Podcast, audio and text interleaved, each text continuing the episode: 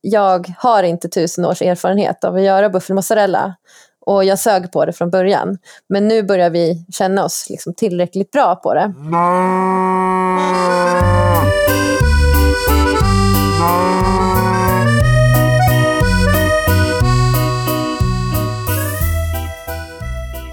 Det här är Ostpodden och jag är Johan.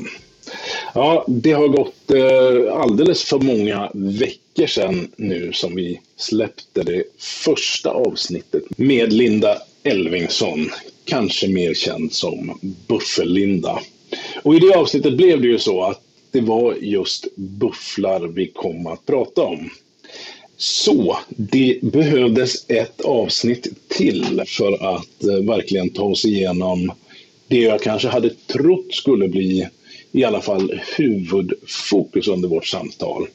Eh, ost i allmänhet och eh, buffelmozzarella i synnerhet. Linda är ju en av få i Sverige som tillverkar den. Och eh, det är väl egentligen inte så mycket mer att säga, för det är väldigt mycket som blir sagt i det samtal jag hade med Linda och det kommer nu. Jag hoppas du får en trevlig och lärorik stund. Eh, men ska vi flytta oss lite ett tag i alla fall från bufflarna till, till liksom nästa steg i det hela. För att mozzarella där är vi ju, känner jag att vi inte är riktigt klara med. Eh, kan du dra lite snabbt hur man gör? För ja. jag, jag har ju jag har ju sagt att det är någonting jag aldrig mer ska göra. Har du testat? Har, ja, jag har bombat tre eller fyra gånger. Okej. Okay. Eh, men ja, då jag har inte, jag tror dels hade jag inte särskilt bra mjölk. Mm. Men, eh, men jag vet inte. Jag... jag tror att det faktiskt beror på dig. Alltså jag tror, om jag ska vara ärlig, inte att det beror så himla mycket på mjölken. Jag är full, jag ser inte det som en förolämpning på något sätt. Jag är helt med dig. Okej, vad bra. Ja, men ibland har man lite sådana där grejer, du vet. Det, ah, det var lite för kallt idag, det är därför det varit dåligt. Men egentligen så är det ens mm. eget fel. Ja, det är klart. Mm. Men ska jag berätta hur man gör mozzarella? Ja, men, ja, men, ja precis. Berätta mm. eh, insights för mig, så kanske jag testar en gång till. Ja, det tillhör ju då vad man säger en av världens svåraste ostar. Men mm. egentligen så tror jag att all ost är svår att göra. Eh, men eh, nu beskriver jag då hur man gör. Mm. Först så ska man ha mjölk som är inte helt färsk utan i alla fall från kvällen innan. Så att den har fått stå ett tag och mogna. Sen så tillsätter man en bakteriekultur till det och det är då termofila bakterier, sådana som gillar värme. Bara? Okay. Bara termofila. Mm. sen så tillsätt, så låter man det stå ett tag, det ska bli lite surt. Det är det de gör då, eh, de syrar mm. mjölken. Och sen så tillsätter man ju löpe. Här måste man nog faktiskt tillsätta löpe, så att man inte håller på och krånglar med liksom löpefri ost och sånt där. Som man ser i vissa så här, gör det själv-recept och sånt. Men eh, glöm bort det. Är det det som man har, det här med citron, eller citronsyra och grejer? Som Ja, det är bara jättekonstigt. Man ska typ ha i citron och typ kasta in det i mikron. Jag har aldrig testat, mm. jag tycker det låter vansinnigt. Men, ja, eh, det var inte det jag testade med. Heller. Nej, vad bra. Okej. Okay. Nej, men då har man i löp i alla fall. Och då koagulerar ju det. Sen egentligen så bryter man den här ostmassan, när det gäller komjölk i alla fall, ganska smått. När det gäller buffelmjölk så ganska stort. Mm. Sen handlar det ju mest om att vänta. Eh, då finns det olika tider som man ska förhålla sig till i det här receptet. Alltså hur snabbt den här syrningen ska gå. Men eh, säg att det tar ungefär tre timmar med komjölk tills du når ett pH som ligger på ja, runt så här 5,20. Men om man då lyssnar på det här och, och, inte har gjort så mycket ost förut, eller har gjort ost förut, så känner man igen de här pH-intervallerna eh, genom att vanlig ost när man gör vanlig ost så plockar man ju upp ostmassan någonstans runt 6,3. Eller hur? 6,4, 6,3, 6,2 något sånt där. Så att 5,20 är ju alldeles för surt. Det blir ingen bra ost ifall du gör det här. Eh, så surt. Men då har den här ost, eller de här fibrerna i den här ostmassan börjat förlora sin förmåga att hålla ihop. Och det här ser man inte med blotta ögat, utan då testar man det med lite eh, hett vatten, 90-gradigt vatten. Så att man kan sträcka ut den här som ett tuggummi nästan. Typ om man har druckit Coca-Cola när man tuggar tuggummi, då blir ju tuggummit helt så här, eh. har du gjort det någon gång? Nej, Nej. det, det, har jag inte. Men Varför jag har sett det. det?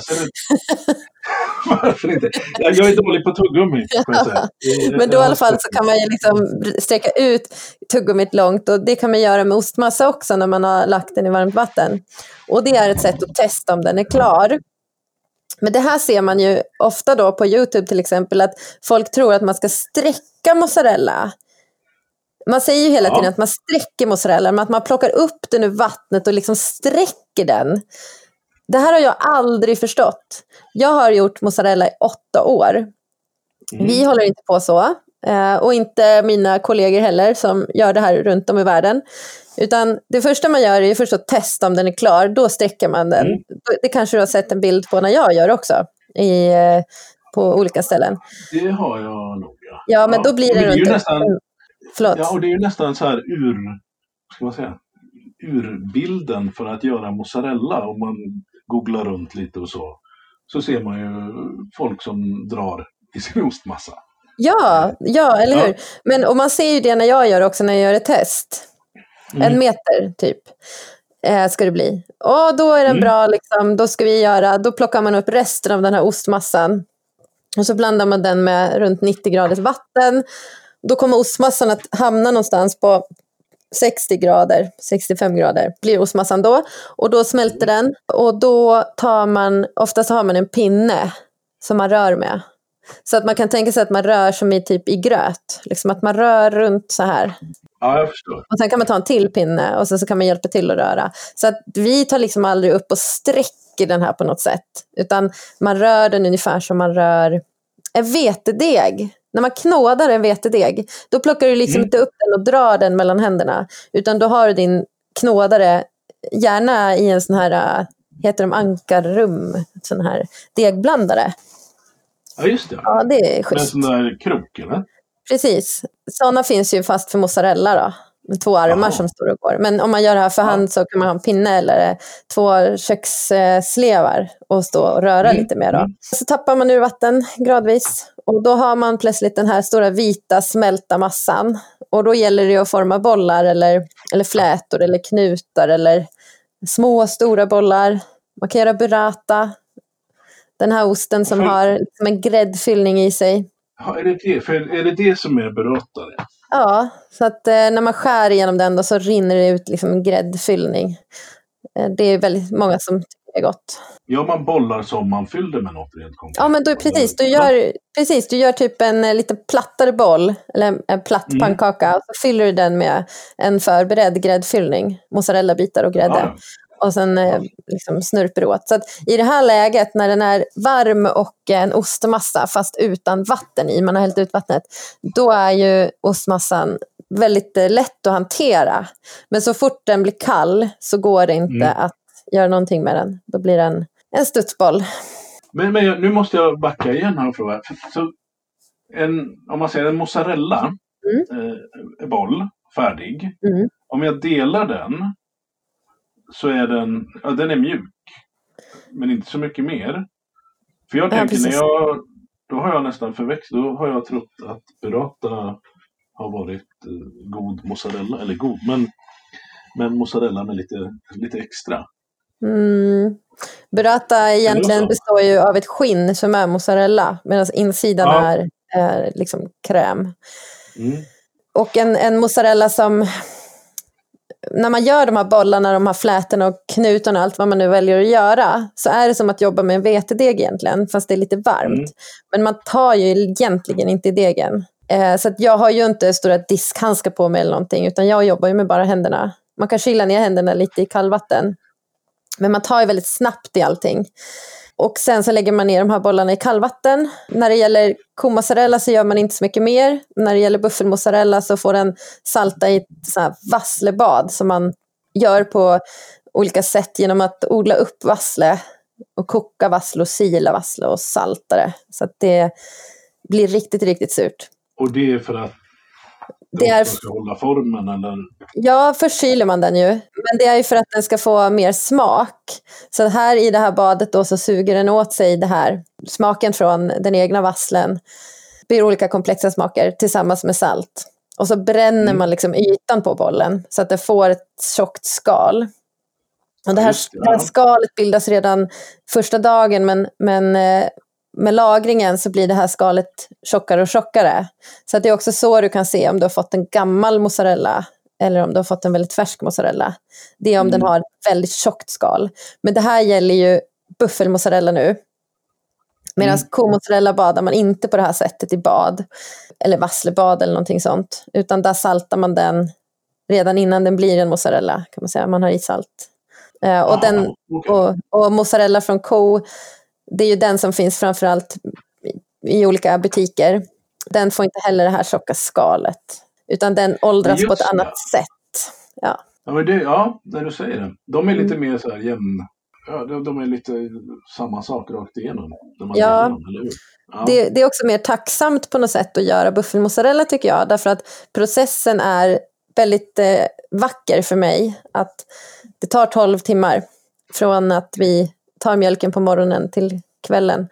Där, när det är färdigt och färdigpackat och så. Men, men det är en väldigt eh, fin och konstnärlig process. Där man är med hela tiden och anpassar någonting. Man odlar upp den här vasslen under flera dagar i mejeriet. Man eh, ser till liksom att den får den här smakinfusionen Mm. Medan komozzarella är mer som ah, en lite enklare ost och den får inte lika mycket smak. Man får vara lite snäll mot sig själv när man som du då tillverkar mozzarella. Att man kanske får en ost som inte smakar lika mycket. Men så har man av misstag blandat ihop det med buffelmozzarella och kanske i ditt fall även burrata. Så man undrar liksom varför den är inte så jättesmakig och krämig. Ja, fast Eh. mina, det, mina försök de slutade precis som eh, lät det ert allra första där. Jag hade någon sorts... Ja, Eh, ja, det var en konsistens som var... Mm. Men jag vet precis hur det är Johan. Jag Mm. eh, har gjort det här själv. Jo, Jag skulle vilja fortsätta prata om mozzarella. det är jättegärna. Det finns eh, mycket att säga om mozzarella och det här är mitt favoritämne. Därför att man Mm. lär sig hela tiden massor av nytt. Jag har gjort buffelmozzarella i åtta år. Eh, och jag har gjort komozzarella i tre år. Mm. Av någon anledning så tycker jag nästan att det är svårare att göra komozzarella. Därför att det riskerar liksom att bli en smaklös produkt som inte får rätt konsistens. Antingen blir den liksom för mjuk för snabbt eller så Mhm. blir den hård och får ett skinn. Och jag gör ju då, ska jag säga, i mitt mejeri så gör jag Ängsholmens gårdsmejeri heter det. Det har vi Mm. inte sagt Ja, än. just det, har vi inte. Nej. Nej. Eh, då gör jag ju med maskiner. Så att jag har ju speciella stora trummor som liksom, där mozzarellan kommer ut och så ramlar den ner i, i vatten, i kallvatten. Okej. Då gäller det att liksom anpassa receptet så att man får en boll som har perfekt liksom, känsla från början. För komozzarella, då ska den vara lite fast i början. Så att den Mm. under lagringstiden hinner bli mjukare och mjukare. Och det som slog mig väldigt tidigt när jag lärde mig göra mozzarella var varför alla människor var så väldigt intresserade av att bollen de köpte skulle vara mjuk. Och det här är Mm. någonting som vi har lärt oss i Sverige. Därför att all mozzarella som kommer till Sverige är gammal. Eller inte, den är inte gammal, men det tar ju några dagar att få den hit och ut i detaljhandeln. Och så tror jag att de har en hållbarhet på en månad, Mm. den här mozzarellan. Och den kommer ju inte från ett litet mejeri, utan den kommer ju från ett jättestort mejeri som gör flera olika märken. Egentligen. Ja, okej. Jag har sett sådana Ja. där lite filmer från sådana Mm. industrier. Så att om du köper en mozzarella i affären så vet du inte hur gammal den är, för det står inget produktionsdatum. Men oftast så är den väldigt mjuk. Och köper man en buffelmozzarella i affären, då är den definitivt inte färsk. Om den nu inte är liksom flygtransporterad. Vi vet ju allihopa hur osexigt det är med flygtransporterade saker. Så jag hoppas att man åtminstone köper en lastbilstransporterad eller någonting. Men då är den i alla fall mjuk och väldigt gammal och den har ett tjockt skinn. Jag kan absolut inte äta den. Jag tycker den är... Är det oavsett, förlåt, oavsett ja. om det är en ko eller buffel? Liksom åldras de på samma sätt ungefär? Nej, de gör ju inte det. Nej, för att buffeln får ju det här tjocka skalet och blir liksom väldigt mjuk inuti. Den blir så att den nästan är som snor inuti. Mm. Mm. En mozzarella då. Medan komozzarellan bara blir helt genommjuk. Mm. Den är ju alltid lite hård från början. Det är det jag försöker få alla att förstå som gör mozzarella själva. Att mm. eh, den, först, den mozzarella man gör är ju hård i något dygn. Lite hårdare. Sen så suger den åt sig vatten. Och sen så börjar den här åldringsprocessen. Har man gjort mozzarellan från början med bakterier så kommer de här bakterierna fortfarande finnas kvar i liten mängd. Även fast mm. man har mm. sträckt den här osten i varmt vatten så lever de kvar och de bidrar ju till att osten blir lite surare och mjukare med tiden. Mm. Det gäller för båda sorterna. Men buffelmozzarella som jag har köpt i Sverige har tyvärr varit så äcklig att jag inte kunnat äta den. Jag låter som värsta snobben, ja, verkligen. Men vi har börjat lära oss att äta mozzarella första dagen, eller tolv timmar senare, efter den är gjord. Alltså dagen efter då, första dag ett egentligen. För visst är det så att, att den, den är som allra bäst när den är väldigt färsk? Ja, den är ju det. Alltså, den, har ju, mm. den är lite fastare. Den har fortfarande den här mjölkigheten. Nu pratar jag om båda sorterna samtidigt. Så mm. när du liksom skär igenom den så är det lite mjölk. Du har en svag sälta inuti. På buffelmozzarellan har du liksom lite skarpare sälta på utsidan, för den tränger in allt eftersom. Mm, mm. Du har ju också en gräddighet. Liksom. En sån här, vad ska jag säga? Jag brukar säga att det smakar som kalcium. jag vet inte hur det smakar. Men, men ja. eh, någon slags gräddig, vit, krämig, eh, kanske lite parfymliknande smak i, i buffelmjölken i alla fall. Ja, och just också doften och upplevelsen av mjölk. Därför att det har ju faktiskt varit mjölk, kanske bara 24 timmar eh, tidigare, så kommer den ju då från eh, juver innan den blir och det är det mm. som är så fint, tycker jag, när man åker till gårdsbutiker och köper den här typen av färska ostar. Att liksom 24 timmar innan så var det här i ett juver. Och 12 ja, timmar innan det så var det gräs. Ja, precis. Är inte det så coolt? Alltså från gräs till färdig produkt på två dagar. Ja, nej men det håller jag med om. Just de här färska, jag har ju, nu ska vi se, jag har ju inte käkat eh, varken din eller någon annan svensk mozzarella faktiskt. Men om man tänker andra färska produkter, men även eldost mm. som är färsk och även alltså, sån yoghurt som är hantverksmässigt gjord. Ja. Finns det ju mycket mera eh, mjölk, riktig mjölkkänsla i. Ja men det är ju det, är det som är så gott. Eh, det är därför många missar det här när de säger att den här mozzarellan ska vara så mjuk som möjligt. Därför att man har lärt sig mm. det. Eftersom att det ser ut så på den marknaden vi lever. Att det tar lite ja. längre tid för mozzarellan att komma hit och då är den några dagar gammal och då börjar den redan bli mjuk. Alltså så pass mjuk i alla fall. Ja, och det, det lär oss ju, vad heter det, acquired taste, eller vi anpassar oss till det som finns här. Medan de som har varit i Italien och ätit då färsk mozzarella eh, får en helt annan upplevelse och tycker ju att det här är en så fantastiskt god ost. Men man mm. vet ju inte heller om man har fått en helt färsk där heller. Det vet man inte. De brukar ju spara sin ost till dagen efter dem också. För det är då de tycker att den är som godast. Ja, ja, okej. Okay. Men det, det, är någonstans där, säger du? Ett, ja, ett dygn gammal eller så, som den är, eh, som den är bäst? Är det så? Eller inom ett dygn? Ja, det, jag, tycker, jag och min man, när vi äter buffelmozzarella eh, under mm. säsongen vi producerar, mars till oktober, då äter vi den dagen efter. Samma dag är mm. den lite för, för fast tycker jag. Eh, det är ju en lyx att kunna ta hem buffelmozzarella som är så ja. färsk. Men jag måste bara tillägga en sak och det är att det finns väldigt många olika varianter av mozzarella, både buffel och ko. eh, där man gör för att anpassa till hur, hur länge den ska hålla.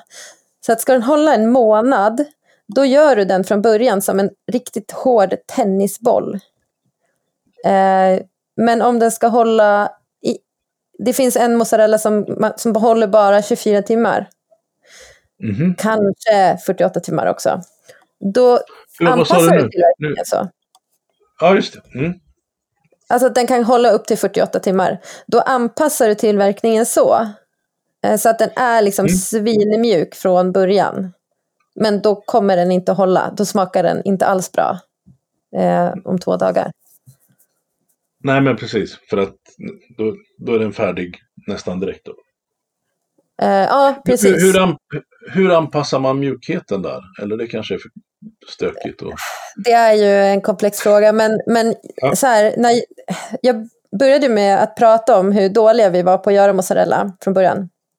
Mm. Eh, jag åkte sen ner till Italien, till Napoli-området i Caserta, där det finns ett mejeri som tog emot mig som en gentjänst till en annan person som jag kände.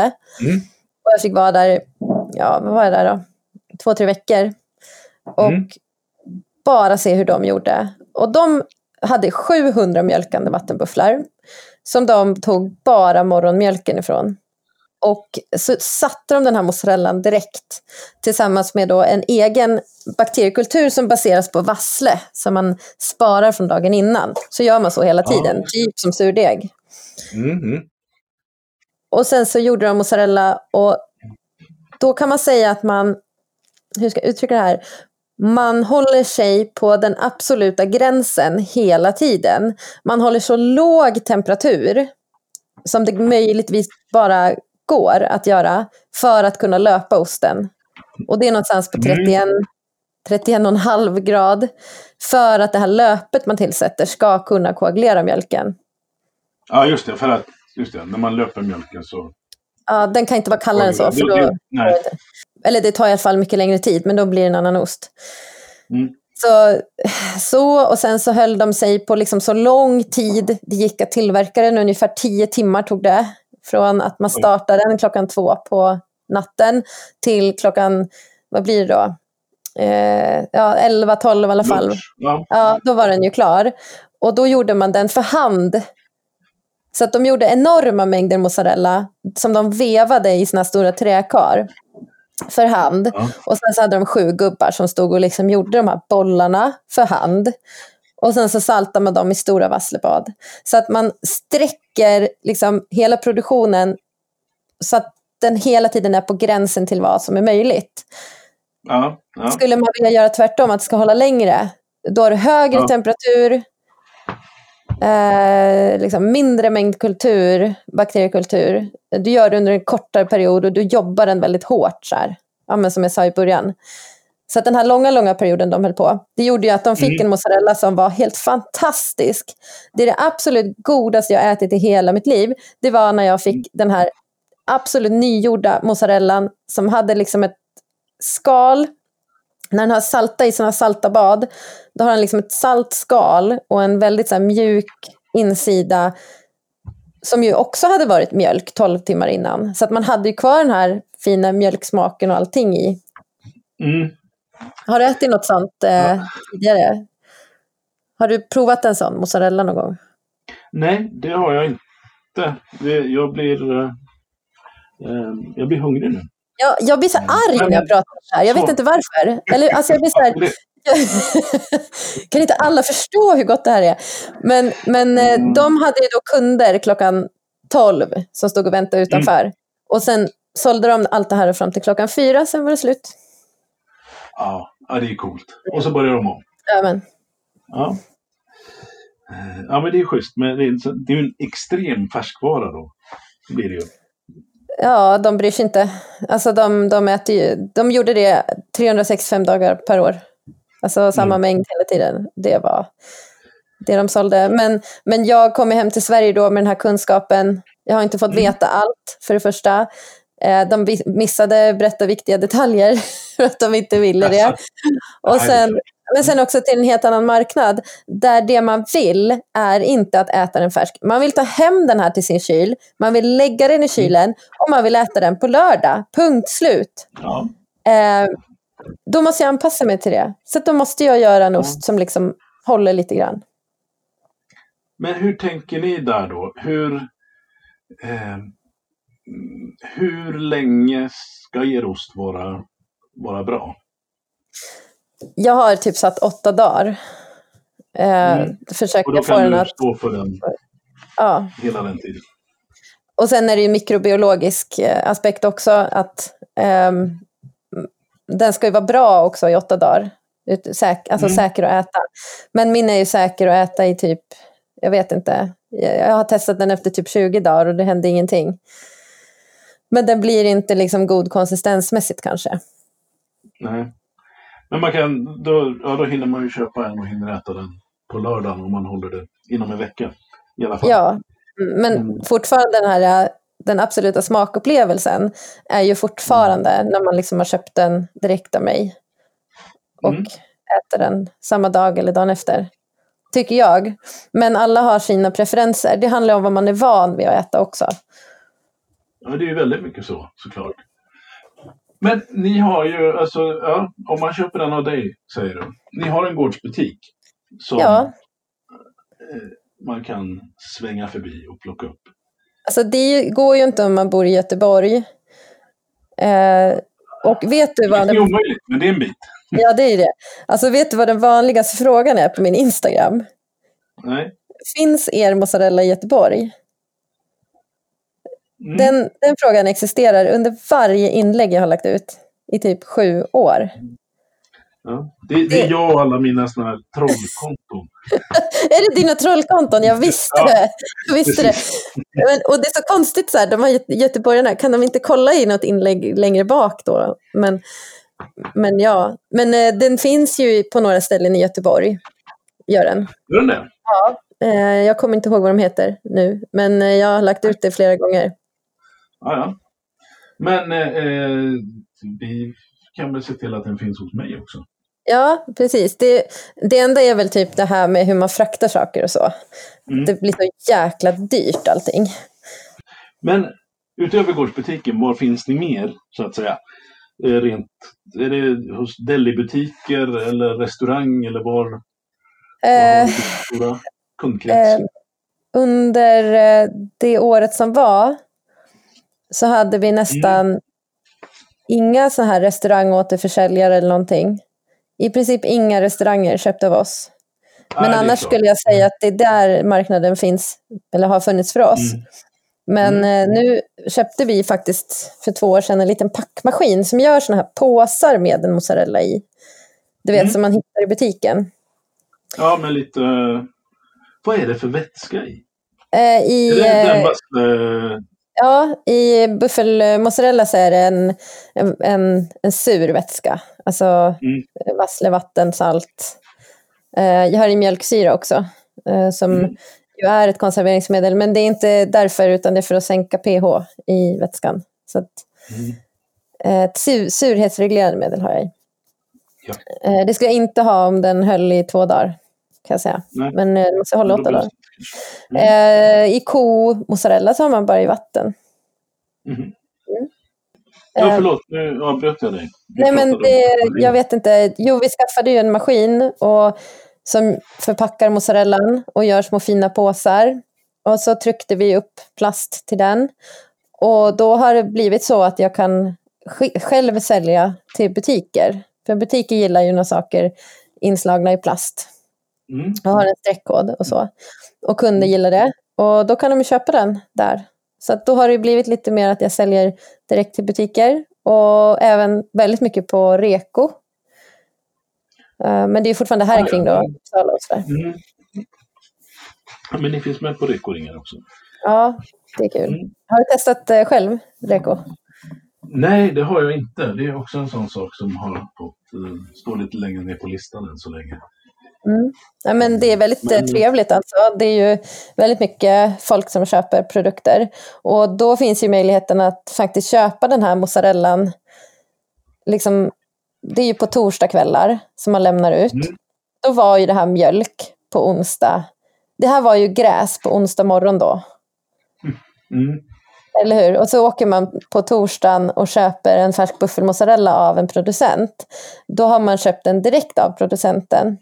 Eh, så nu den här, det här året så sålde vi nästan allt vi gjorde direkt.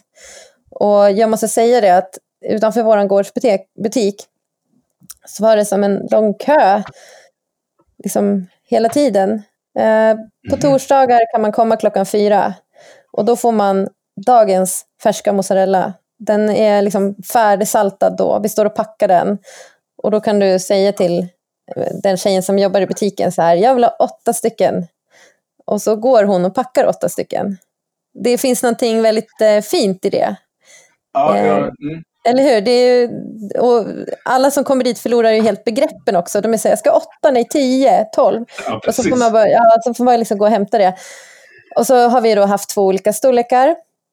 Små 50 grams eller 125 grams bollar. Och Mm. eh, 125, är det ungefär som en sådär vanlig, eller det, det man Ja, tänker ja, sig precis. Mm. en, ja, som en tennisboll typ, i Ja, storleken. det. Eh, och så får de den färska och sen så kan man komma på lördagar. Och då har jag ju ännu mer liksom, eh, eh, ja, ostar. Vi gör ju annat också, så ostar och, och olika Mm. varianter. Ja, ja. Men, men eh, just på torsdagar är det den här hardcore-produktionen som man kan köpa direkt Ja. ur saltbadet. Då. Jag, tror, jag tror inte alla förstår hur häftigt det är att göra det. Det är som att eh, köpa färskt tunnbröd direkt ur vedugnen. Eller, Mm, mm. eller ja, färska grönsaker som plockades precis ur landet. Det, det finns ju någonting som är väldigt eh, vackert i det. Nu har jag sagt det flera gånger, men, men jag tycker att det är det som är det roligaste med att vara mathantverkare. Att kunna sälja den när man är som allra stoltast över produkten. Eller hur? När, när man vet att så här, det, här är, det här är bra grejer. Ni som står Ja. i den här kön, ni är lyckliga. ni Ja, borde vara lyckliga i alla fall. Ja, jo precis. Ja, men ni drog vinstlotten. Eller hur? Ja. Mm. Ja. Nej, men det, ja, då, jag måste ju svänga förbi. Eh, eller svänga förbi. Ja, du får väl jag måste ta, ta, mig, ta mig dit. Torsdagar Eh, klockan i alla fall. 16 är kommer Ja, ja, men då är jag där. Fast just nu gör ni ju inte mozzarellan, va? Nej, inte nu, nej. nej. Men Nej. eh, jag skulle jag tippar bra, bra månad i juli. Då är det alltid bra. Mm. Torsdagar klockan 16. Okej. Då kommer man inte, fem, säsongen? man kommer inte fem i sex och bara, jag ska ha. Man bara, det är slut. man får komma klockan fyra. Nej, för nu gör vi ju ingen mozzarella. Nu gör jag bara lite buffelyoghurt. Ja. Så alltså mozzarella-säsongen då, eller vad vi ska kalla det. Den är från när till när ungefär? Alltså det beror lite på när de kalvar faktiskt. Mm. som sagt. Men eh, jag skulle ju önska att det var mellan mars och oktober. Men det här Mm. året kommer det snarare bli ju, juni till oktober. För att de kalvar jättesent nu. Så att de håller på att förstör. För tänk dig då hur det blir nästa år. Då kalvar de i Mm. augusti. Så att de håller på att förstör sig själva här nu. Det är jättejobbigt. Aj då. Ja. Men varför blir det så? Jag vet inte riktigt. De, det börjar med att de liksom kalvar i februari. Och då vill Mm. man ju få dem dräktiga igen någon gång i april-maj. Så Mm. går inte det, då blir de dräktiga i juli och då kalvar de i juni. Och då nästa gång blir de Ah. dräktiga i augusti och kanske kalvar i... Okej. Alltså att det hela tiden förskjuts lite grann. Mm, mm. På kossor i mjölkindustrin så har du kanske kalvningsintervall på 12 månader. Eller 13 Mm. månader eller något sånt. Men det verkar inte vara så med bufflar. De vill ha lite längre emellan. På vilket sätt stör det din produktion? Nu ställer jag också sådana här oinitierade frågor. Eh, nej men, Det är ju därför jag pratar med dig. ja, nej, men det är väl, dels är det väl så att industrisemestern i Sverige är i juli. Och Mm. eh, jag vill ju gärna att folk kommer och handlar av mig. Och det är varmt och skönt att jobba och så. Mozzarellan blir Mm. jättebra när de får äta Ja, ja. gräs utomhus. Liksom. Så att eh, håller de på och kalvar i september och så, då gör vi inte mozzarella för att det finns ingen marknad för det. Är det så? Mm. Det finns lite, Jaha. men inte för att upprätthålla liksom, en produktion då, eh, tre dagar i veckan, eh, all mjölk blir mozzarella och sådär. Och man orkar inte hålla på och göra liksom 100 liter mozzarella och sen 100 liter ost. hundra liter något annat, utan man måste, gör, gör man mozzarella får man ju lov att göra så mycket man kan. Mm, mm. Så det innebär att när ni, när ni har mozzarella-säsong, så att Mm. säga, då, då gör ni bara mozzarella i princip? Ja, Mm. eller vi köper komjölk också av en bonde Ja. och så gör vi ju brieost och lite andra ostar. Ja, jag försökte ju få dig att, att få hit en blåmugg som jag såg på Instagram som såg jättetrevlig ut. Ja, Men eh, det var bara grannarna som skulle få, eller ja, ja precis. Att Den eh, behöver lagras lite till tror jag. Mm.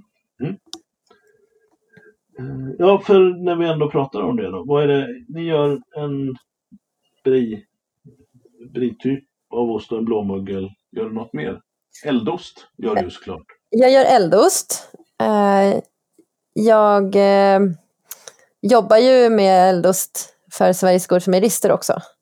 Och Mhm. håller koll lite grann på varumärket och så. Jätteroligt. Mm. Eh, sen så gör vi brieost som heter Ragnar. Som är döpt efter min son. Som är liten, som är ett år. Den- Ja. Mm. Och sen så gör vi en kittost som heter Sven. Som är min äldsta son. Den såg jag på Instagram idag, Ja, eller hur? Tio år. Ja, precis. Den, den har fått en ny form. Den är fyrkantig och ser ut som en taleggio-ost. Ja, precis. Ja.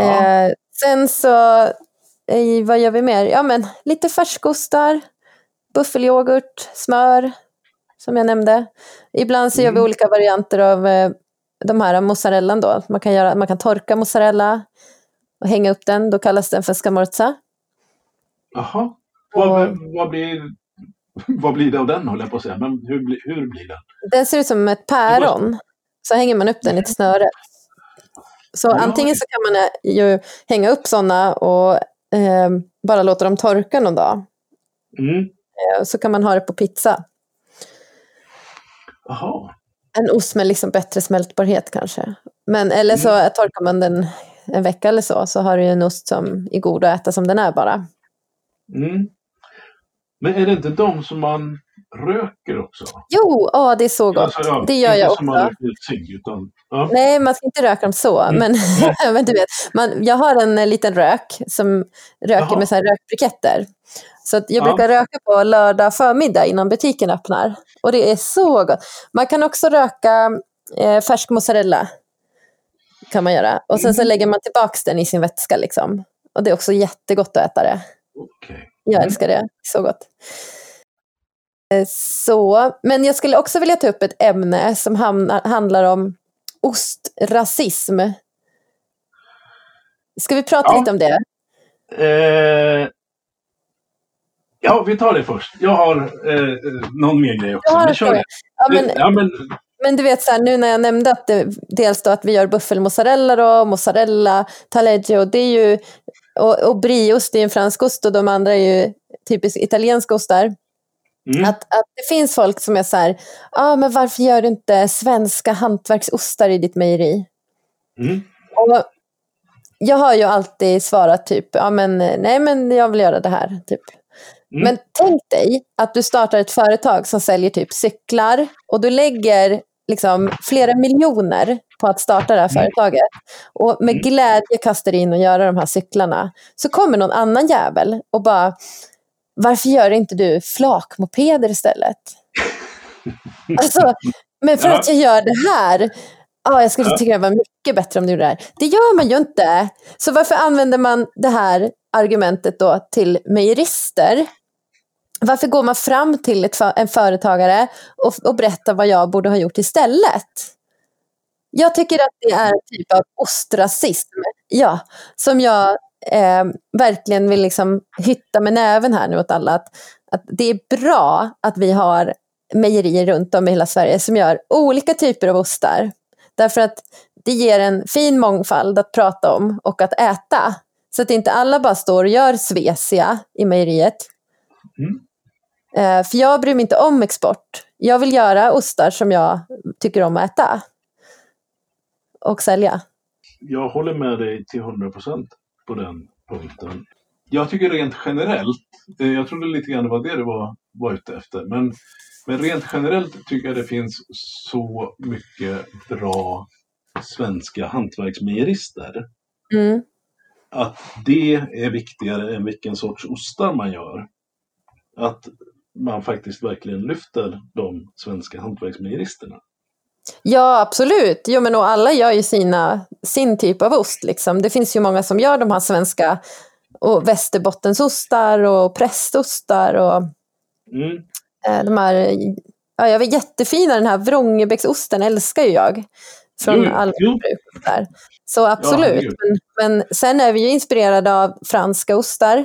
Det finns väl folk som gör typ Stilton-liknande ostar också. De här getbönderna gör ju mycket chèvre och Valensay-ostar och ja, hjälp mig. Ja, nej, men det kan man väl ta om vi tar bara eldosten också då. Det är, Ja. ju, det är också en ost som, som är, är inspirerad snarare nerifrån Medelhavet där. Ja, visst. Eh, någonstans. Så om man säger nere i, i min lilla butik så, så driver ju jag tesen att eh, vi har ett, ett smalt, smalt, bra och labilt sortiment. Men det är svensk och i, i viss mån nordisk hantverksost. Mm. Men sen om det är en om det är en bra svensktillverkad mozzarella eller om det är en Svecia. eh, Det spelar mig mindre roll. Men jag Mm. tycker just det är viktigt att, att hela, för, för, för vi, jag tycker vi är väldigt duktiga. Det är väl delvis därför jag håller på med den här podden också. Eh, Det finns så många duktiga eh, hantverksmejerister i Sverige. Ja, och jag ville bara liksom ränta lite om det, därför att Ja, eh, man kan inte gå runt och typ bestämma vad folk ska göra i sitt företag. Eh, jag har fått Nej. den här frågan många, många gånger. Liksom, Varför gör du inte istället det här? det? Jaha. Och i början, när vi började 2012, så var det ju många kockar som sa så här. Eh, Buffelmozzarella görs inte utanför Italien. Jag tänker inte köpa någon svensk buffelmozzarella. Jag vill ha det äkta. Mm. Nu med liksom klimatet och allt det här andra som vi diskuterar så är inte det lika, eh, lika bra att säga så längre. För att då så flög man ju in buffelmozzarella från Italien till någon flygplats i Stockholm och Göteborg och Malmö och sen så sålde man den så att man fick ändå liksom den här färska mozzarellan. Men det är ju totalt ohållbart. Så gick jag in i det här och tänkte att vi flyger omkring på produkter som innehåller eh, mer vatten än gurka och Mm. ska äta den. Det är totalt orimligt i min värld. När du i så fall lika gärna kan flytta djuret hit. Sen så kanske inte produkten smakar lika bra eller, eh, eller minst lika bra eller bättre. Därför att jag har inte tusen års erfarenhet av att göra buffelmozzarella. Och jag sög på det från början. Men nu börjar vi känna oss liksom tillräckligt bra på det. Och i så fall så kan man väl välja en svensk produkt. Också givet att man har den här speciella djuromsorgen vi har i Sverige. Det ser inte ut så i Italien nu, tyvärr, fortfarande. Så att det finns många bra skäl till att välja svenska produkter. Men det finns också, finns också många bra skäl till att inte säga så till företagare. Att varför gör inte du eh, Ja. den här svenska osten, som koggosten eller vad det nu kan vara, som är bortglömd. så Ja, nej, nej, men, det eh, finns väl en poäng med det också, men, men jag vill inte det. Nu fall. men exakt, jag förstår precis. Så det var det med rent var. Men nu får du ställa dina, din andra fråga som du hade. Ja, men jag tänkte backa till, eh, till, till att börja med. Jo, eh, eran eh, eldost. Mm. Ni gjorde ju, eller gör kanske fortfarande, en variant som är med både buffel och komjölk. Va? Ja, det gör vi. Mm. Hälften hälften är det ungefär. Gick det inte väldigt bra för den på World Cheese Awards för något år sedan eller ett par? Ja, eh, du imponerar. Du har eh, kollat någonting. Någon resultatlista någonstans. Men jo, den, kom ju, den fick ett brons. Eh, Mm. Men det är ju inte som att den är trea i tävlingen då, måste jag säga. Utan den fick liksom en, en bronsmedalj. För att, Men är, inte, är det kategorin som den får ett brons på? Eller? Ja, precis. precis. Men, Mm. men det är ju så här, brons, silver, guld och sen får man superguld. Och sen är det ju 20 stycken superguld som, som tävlar mot varandra. Ja, I, men ja, så den fick ju bara brons. Men det, ett brons är ett brons, absolut. Men den kom inte trea i hela tävlingen, det låter ju så. Men det, fick den, det Ja, är ja. inte så. Nej, men, eh, eh, nej, men den fick en utmärkelse så det innebär ju att någon måste ju ändå ha lagt märke till den och tyckt att eh, det här var bättre än mycket annat. Någon måste ju ha gillat den. Mm, Den tävlade i, i stekostar eller något sånt där. Halloumi mm, ja, style. ja. Mm. ja, men det är ju jättekul. Och dessutom låter det väldigt gott. Ja, det var chockartat. Alltså jag måste ju säga att själv så föredrar jag kanske det ena eller det andra. Liksom. Antingen buffel eller ko. Men så har vi också gjort en blandad variant för att vi inte haft så mycket buffelmjölk över. Och den verkade ju de domarna gilla i alla fall. Så ni gör en på 100% buffel också? Ja, jag har gjort det också. Eller? Ja, men jag brukar inte ha så mycket mjölk över. Så Nej. därför har det blivit en blandning. Men du vet, det var ju året innan där så var det ju VM i Norge. Och då fick vi Mm, faktiskt ja, en bronsmedalj också, fast för, eh, för komozzarellan. Jaha. Mm. Det hade jag missat. Det var kul. Också. Det var också Var det roligare? chockartat. Ja, Mm. eh, nej men båda var kul. Men eh, jag tycker att jag vill, ha, jag vill göra bättre ost. Så att jag får liksom, bättre poäng. Mm, mm. Högre valörer. Mm. Det är klart. Men jag är glad. Eh, ja, ja, precis. Men du gillar att tävla? Ja, det är jättekul. En, ja, Ja, okej. men eh, ibland gör man liksom fel bara i, när man gör osten. Och Mm. då har man inget annat val än att liksom skicka den. Man har ju redan betalt. Men man vet också att Mm. det kommer inte bli bra. Så att, eh, jag skickade in flera andra ostar till eh, VM som var 2018 då, som var sist. Mm. Bland annat vår buffelmozzarella. Och jag hade verkligen så här ansträngt mig under flera månader att logga liksom allting, utvärdera så varje vecka. Vad ska bli bättre? Sältan, alltså eh, tiden i saltbad, allting. Och varit så Mm. noggrann med den vi skickade in då till VM. Mm. Och de domarna som bestämde där, det var i Italien då, 2018. Ja, ja.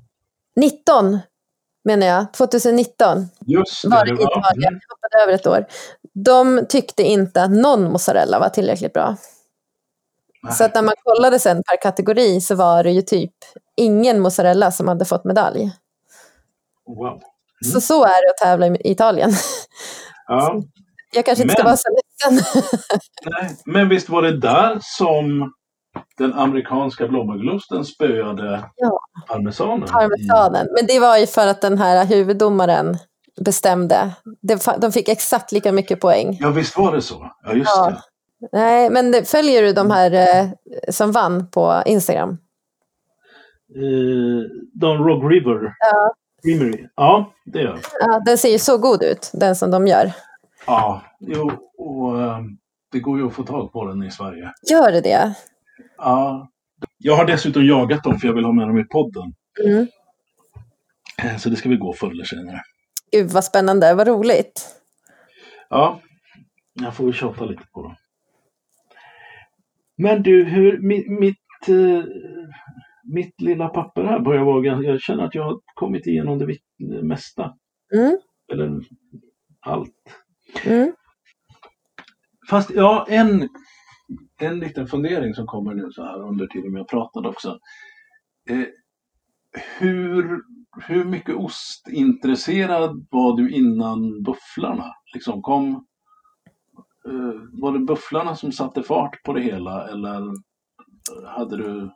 Ja, jag, egentligen så är det ju så. Jag har ju haft förmånen att bara glida in och jobba med det här. Eh, det var mina föräldrar som startade och byggde ett mejeri, importerade bufflar. Och det är klart att jag var med, men det var ju inte min huvudsysselsättning då.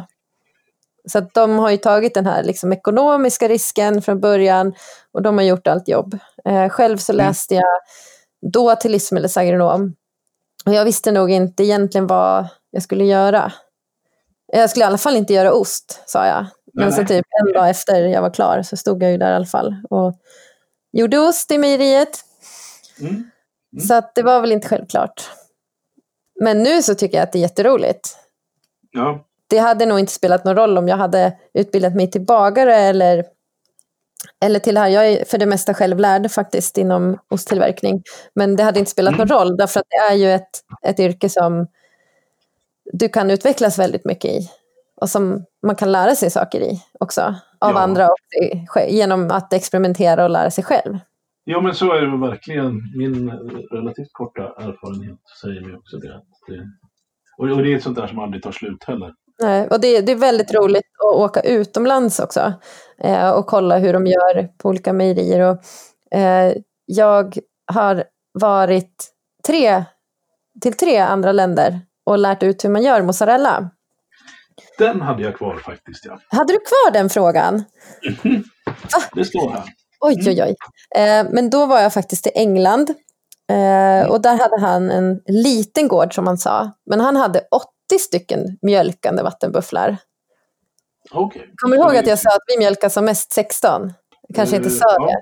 Ja, men vi Nej, gör inte det. 16, Men, ja, nej, jag, det, siffran jag kommer ihåg var 40 eller 45. Men det är totalt Ja, precis. Det kallas Ja. för rekrytering. Alltså man har en massa djur som är yngre. Ja. Som man rekryterar in hela tiden. Men Mm. han hade liksom ett, 80 mjölkande vattenbufflar i England. Och eh, Mm. ville starta ett mejeri. Men han utgick också från YouTube och fattade liksom ingenting. Alla har samma problem. Och jag har redan gjort det där felet. Så när han frågade mig så, så sa jag så här, ja, jag hjälper dig. Och då tjänar ju han kanske ett år, två år eller någonting Mm. på att eh, ge mig lite pengar. Och det är ju väldigt roligt att, att se andra gårdar och se hur de gör och se hur deras mejerier ser ut. Men var det han som hittade dig då? På något sätt? Ja, via en annan bekant som också gör Ja. buffelmozzarella som jag också hade lärt ut. Och hon bor i Australien. Men då hade hon varit hos mig då, så jag har inte varit i Australien och hållit kurs. Nej, okej. Och- Men det som är intressant är att både i Australien och i England så är de pionjärer. Att jag trodde att det fanns många, både i Australien och England, det gör inte det. Utan Nej. det fanns en producent i England och en producent i Australien. Då. Var i Australien var det? Eh, Jag vet inte, jag har inte varit där, alltså det var hon som var hos mig. Just. Ja, Just så det. jag har ingen, det finns, jag har ingen aning. eh, och sen så var jag ju i Holland också och lärde ut. Så det är Mhm. jätte, jättekul. Därför att de är precis där jag var för åtta år sedan. Mm. Så att oavsett så kan jag lösa deras nuvarande problem. Men sen när man kommer fram till där vi är idag, hur fortsätter man framåt? Det vet jag ju inte riktigt. Det måste jag komma på själv. Mm. Det tror jag att du kommer att göra. Det, det låter så. Ja, man får väl liksom ja, lära sig något. Man får glida framåt. Ja. Ja. Men det intressanta är varför, eller ja, du, du måste ju vara bra på att lära ut mozzarella då, antar jag. För att eh, man, varför frågar man inte en italienare? Eller vill de inte? De vill inte tror jag. Eller så är det svårt Nej. att hitta dem som vill. Ja, Var ska man börja liksom? Alltså hur får man tag i dem? Jag vet inte. Sen Nej. så, gemensamt är väl också att det här är ju små företagare. Som, som du själv också redan vet så är man väldigt ekonomiskt belastad. Man står med 80 stycken bufflar. Mm. Ja. Man har tre ungar, ett nytt mejeri. Det är inte så att man vill ha dit en italiensk konsult som tar så här, alltså svin mycket betalt för att de jobbar mot industrin. Utan då vill man säkert ha någon lite så mindre person. Och min fördel är också att jag kan kemi och mikrobiologi och lite sådana saker som gör att det kanske är mer pedagogiskt att lära ut än Mm, vad någon mm. som har jobbat förvisso då med mozzarella hela sitt liv men kan inte förklara hur man startar en bakteriekultur. nej. Men de är väldigt duktiga på att göra mozzarella, absolut. Alla italienare som Ja. jag har träffat på inom det här har ju varit det. Men de kan Mm. kanske inte problemlösning på samma sätt eller ja, så. Nej, nej, men det där det är väl som man har sett på andra håll också. Att det är inte nödvändigtvis så att det är, det är de, de som är duktiga på att göra något som är duktiga på att, lära ut det. Det är ju helt olika, eh, egentligen olika talanger. Ja, och man, det ser vi ju här i Sverige också. Det finns ju de som är svinduktiga på att göra olika ostar.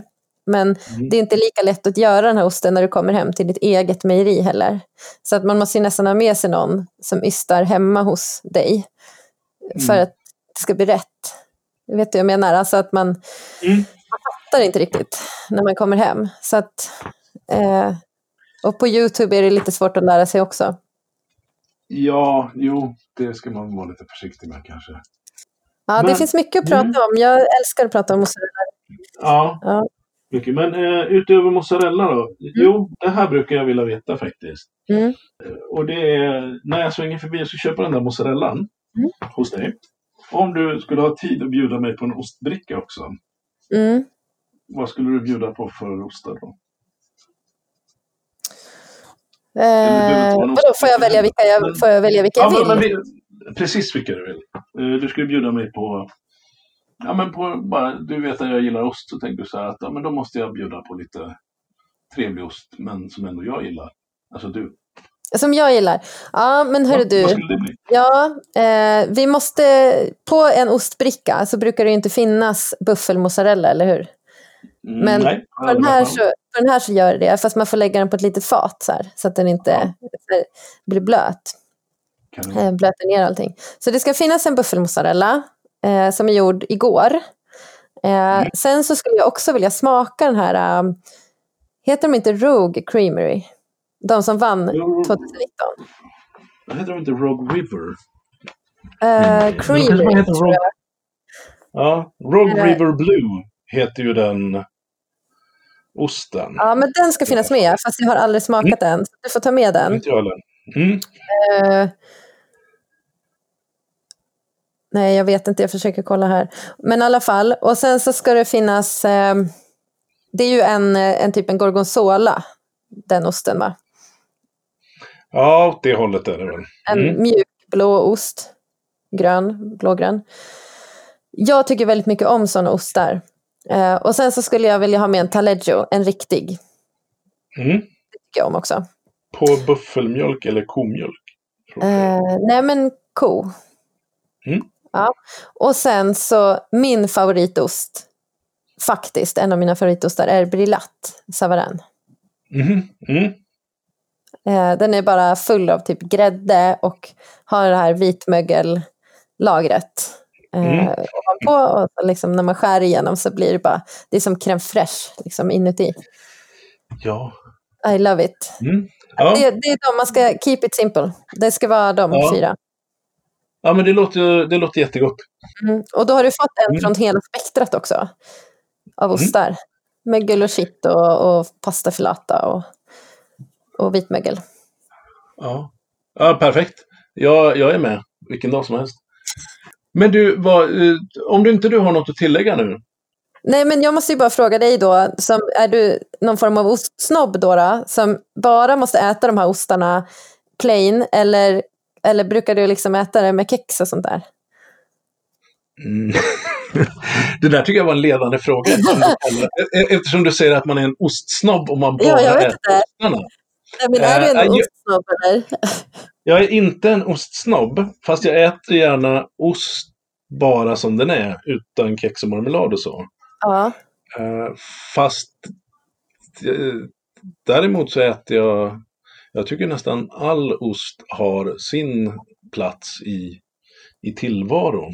Jag har Mm. inga bekymmer med varken hushållsostar eller vad det kan vara.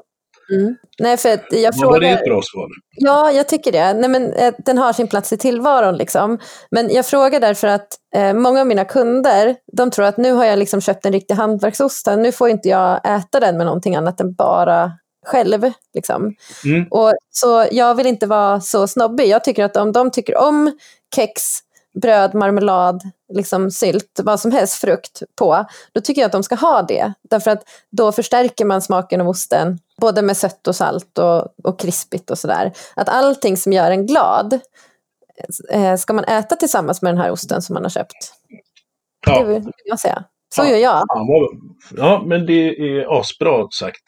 För att det är precis, eh, precis vad jag brukar, eller det är en, en tes jag driver på mina ostprovningar, det är att eh, man, man, man får äta, det finns inga, inga måsten eller inga regler egentligen, utan Eh, man ska bara se till att och, och äta saker så som man njuter av dem som allra mest. Ja, Eh, eh, och, om det innebär att man, ja, och om det innebär att man äter jordnötssmör och dricker cola till så fine. Mm. Eh, om man tycker det är gött så ska man ju göra det. Eh, sen så kan jag tipsa på en ostprovning om, liksom, ge lite guidning då om det här kan vara gott. Mm. Eh, men eh, det finns inga rätt eller fel. Nej, man ska inte vara för ängslig. Köper man en ost Nej. som man, man tror att man tycker om, ät den tillsammans med det som du faktiskt tycker om. Så behöver man inte känna det här kring mat, att, att jag ska äta det här på ett särskilt sätt, eller dricka vin ur särskilda glas, eller Mm. allt sånt där. Nej, total Nej. anarki, det tycker jag är mycket roligare. Ja, tycker jag också. Ja, framförallt om man, om man liksom... Bodil Malmsten skrev en bok om att skriva. Så frågade de henne så här att, ja men vad är ditt bästa tips nu då? Mm. För att skriva. Och då sa hon det, ja men skriv precis hur du vill, men gör det bra. Ja. och det tycker jag, det kan man liksom bara transponera till, till det mesta här i livet. Att, eh, ja men gör som du vill, bara du trivs med det. Mm. Och bara det blir bra. Ja, ja men där, vi har nått en ny konsensus här. Det tycker jag var Ja. bra. Men då eh, kan vi väl i alla fall avsluta kanske den här o- officiella delen av podden. Eh, så eh, då tackar jag dig så jättemycket för att du tog dig den här tiden och prata bufflar och ost och allt vad det har varit. Mm, tack, alltså det är så kul att få bara prata om det här. Jag hoppas att du kommer kunna klippa ihop det här till någonting eh, bra. Ja, det blev ju definitivt buffelmozzarella, men eh, också lite otippat kanske både ostsnobbism och ostrasism. Det känns skönt att man eh, med gott samvete kunde ducka båda de företeelserna. I eh, nästa avsnitt av Ostpodden blir det något eh, helt annat än buffelmozzarella. Faktiskt rätt långt ifrån buffelmozzarella, men fortfarande i allra högsta grad ost. Men tills dess, följ Ostpodden på Instagram och Facebook. Håll också gärna ögonen på Cityysteriet Gbg på Instagram. Finns på Facebook också som Cityysteriet. För det är där man hittar mina mina andra ostäventyr utöver eh, själva poddandet. Då. Och eh, med det sagt återstår väl bara att säga det här har varit Ostpodden. Du har varit tapper. Tack så mycket för att du har lyssnat. Vi hörs snart igen.